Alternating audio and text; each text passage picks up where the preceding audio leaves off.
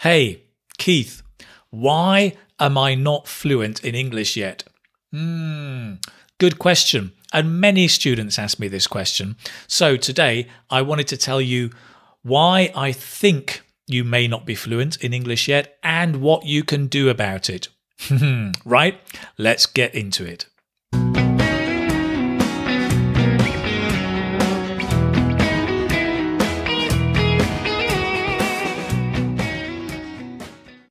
Hello, and this is Keith. If you don't know me, I run the website The Keith Speaking Academy, here to help you speak better English, give better answers, and get a higher score on the IELTS speaking test. And today I'm going to talk about fluency with you. It's one of the four pillars of IELTS speaking. It represents 25% of your mark you need to get good fluency, but it can be frustrating um, working and working on fluency and not seeing the results. So, today I'm going to talk about that and some things you can do to improve your fluency. Stick around to the end because I've got a surprise piece of breaking news for you.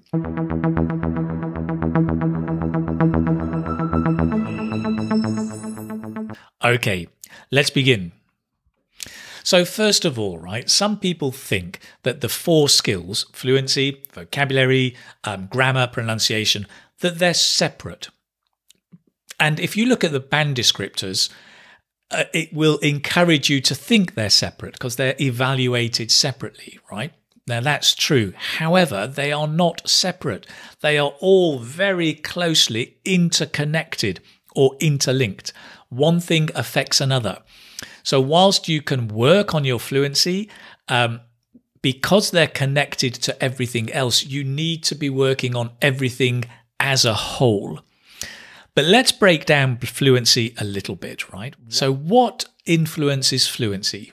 Well, let's think about it. First of all, as you're speaking, right, finding the right word is going to affect your fluency your vocabulary. If your vocabulary is not big enough, or you're trying to use difficult words you don't fully know, or you're confusing different word families, you know, economy, economic, economist, uh, then that affects your fluency. So vocabulary is directly affecting your fluency. How do you solve that? Well, the first thing is to start activating your vocabulary, right? It's all well and good reading vocabulary and getting it into your head, but if you're not speaking it out and activating it, it's not going to come fluently. We have two kinds of vocabulary passive and active. Passive are the words you recognize and you can read, and if you hear them, you know them. But you may not be able to use them.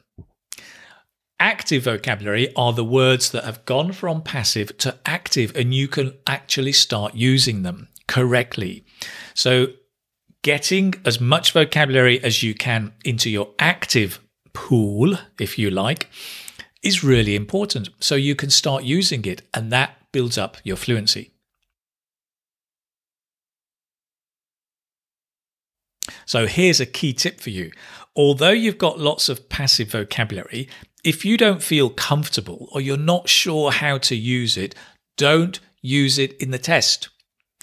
Because if you get it wrong, your vocabulary score comes down and also your fluency will come down because you can't use it properly or fluently. So focus on your active vocabulary that you're really comfortable with to get a good score in vocabulary, but a better score in fluency. That is tip number one. So, your next question is All right, Keith, how do I activate my, vocabulary? Well, I have done videos and live lessons on this, but one of the basic things you do is repetition, right? You repeat words and phrases in context and actually practice using them in different contexts. There is research that shows you need to see the word in four, at least four different contexts, and to be using it in at least three or four different contexts before it becomes active, which means you can really, you really know how to use it. So practice repeating the words in different conversations, different answers, different contexts, right? Make sure you're not memorizing your answers and so only using words in one context. That is not good, right? Be flexible, use it in different contexts. Let's move on and talk about other factors that influence fluency. Similar to vocabulary, grammar, right? When you're speaking and you're thinking about the correct grammar, is it I I go, I went, I went to I, I've been, I have I has have been to. As you're thinking about grammar, that affects your fluency as well, as you just saw. So, how do you solve that? How do you automate your grammar? Which is what you want, because if you can automate your grammar, then you're going to be just speaking more fluently. Think about the basketball players, right? Think about Magic Johnson or, you know, I don't play basketball, so I don't know the famous names. Um, but world famous basketball players, what do they do? They bounce the ball and they shoot. They bounce the ball and they shoot. And they spend hours shooting, practicing, repeating and repeating until they automate the move. Because on the court, when they're playing, they haven't got time to think. They need to be automatically shooting, passing. So all of that has to be automated. Well, guess what? It's the same with speaking English. If you can automate the grammar, you can just use it much more fluently and focus on ideas and fluency when you're speaking. Next question, Keith How do I automate my grammar?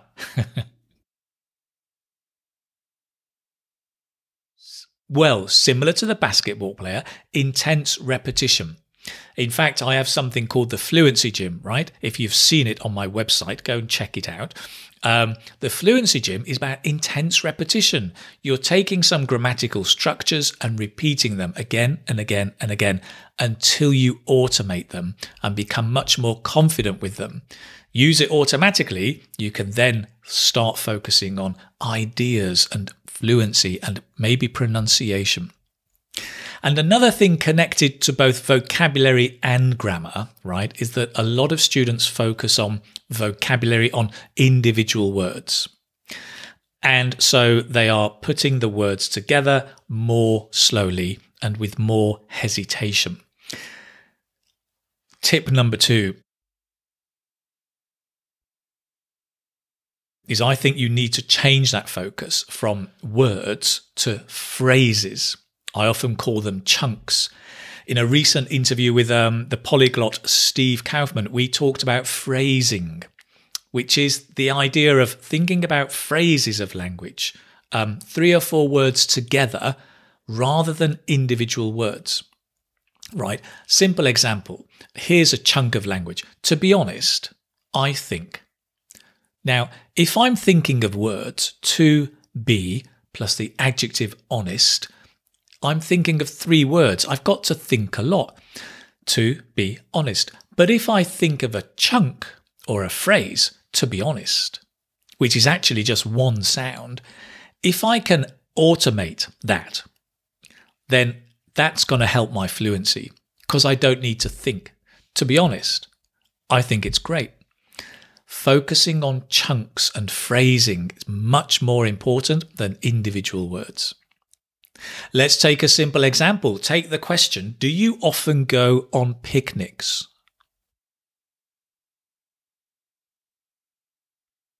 Hmm.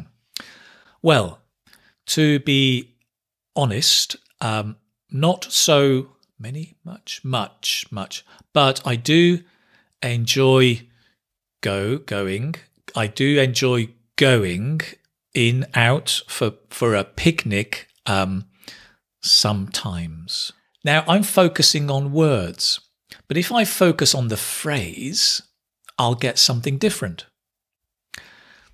Well, to be honest, not so much, but I do enjoy going out for a picnic now and again. Can you hear the difference? I'm chunking and using phrases. Well, to be honest, not so much.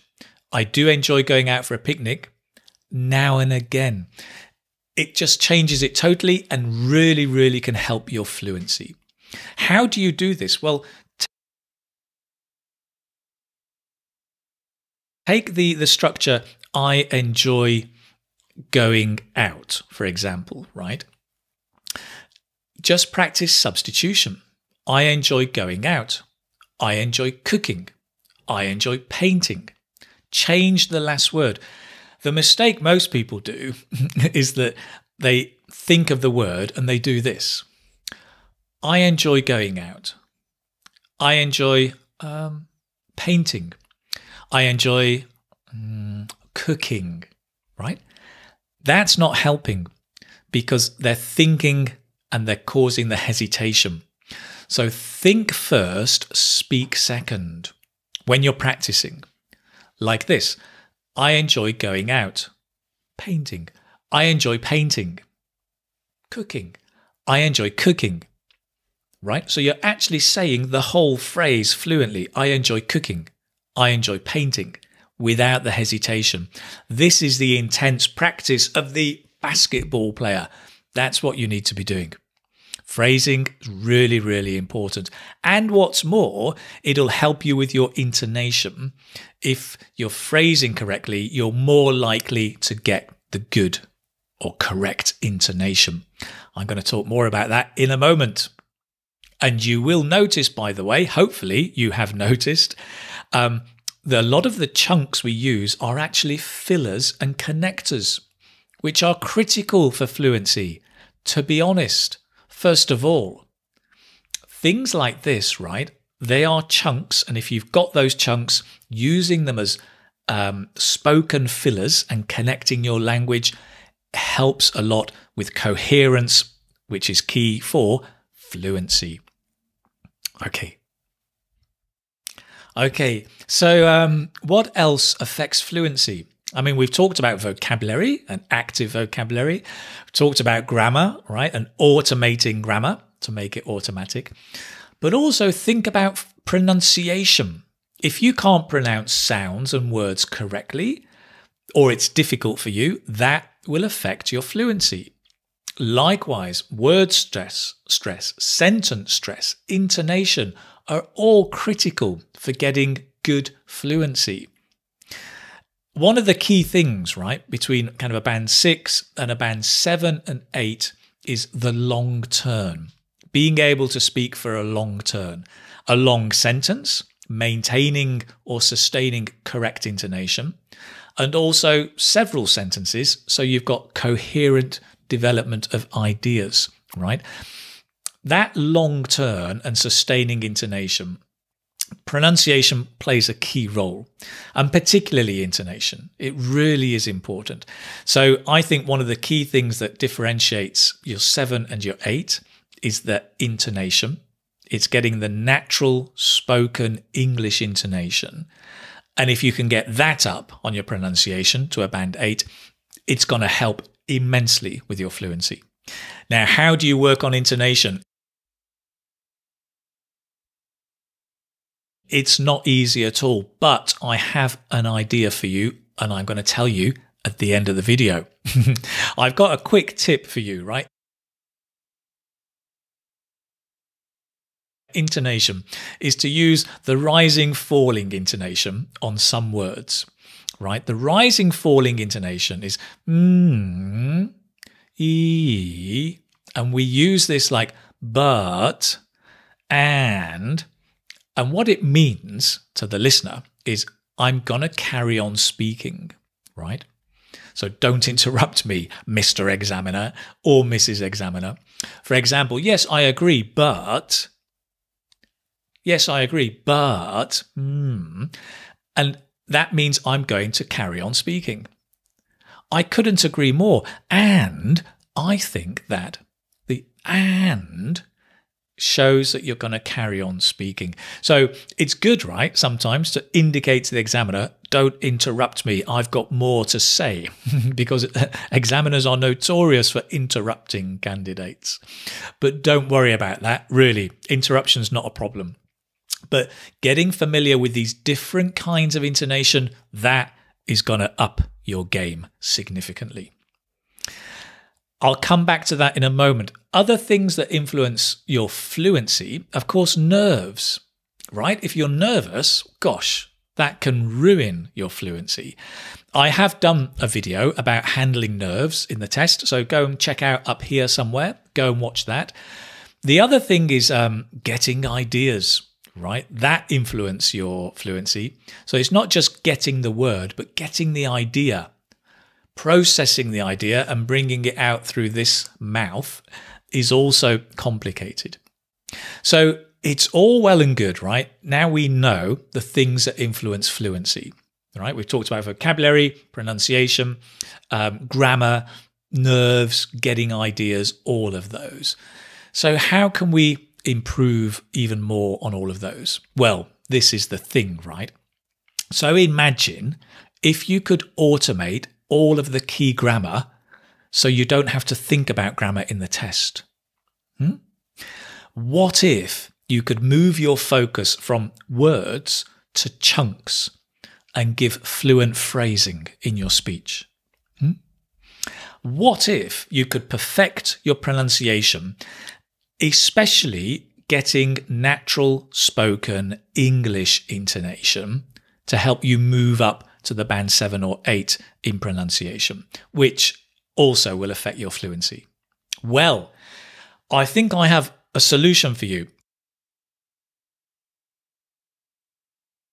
Something that can help in a big way. And it is something that is based on the Fluency Gym, which you may know if you follow my website or my live lessons.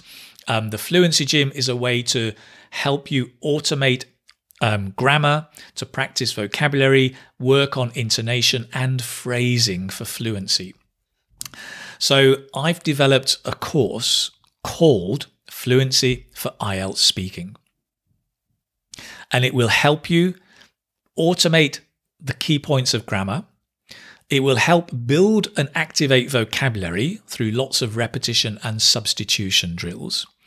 It works wonders for your intonation we look at a variety of intonation patterns, and you are repeating, doing that intense basketball practice all the way through.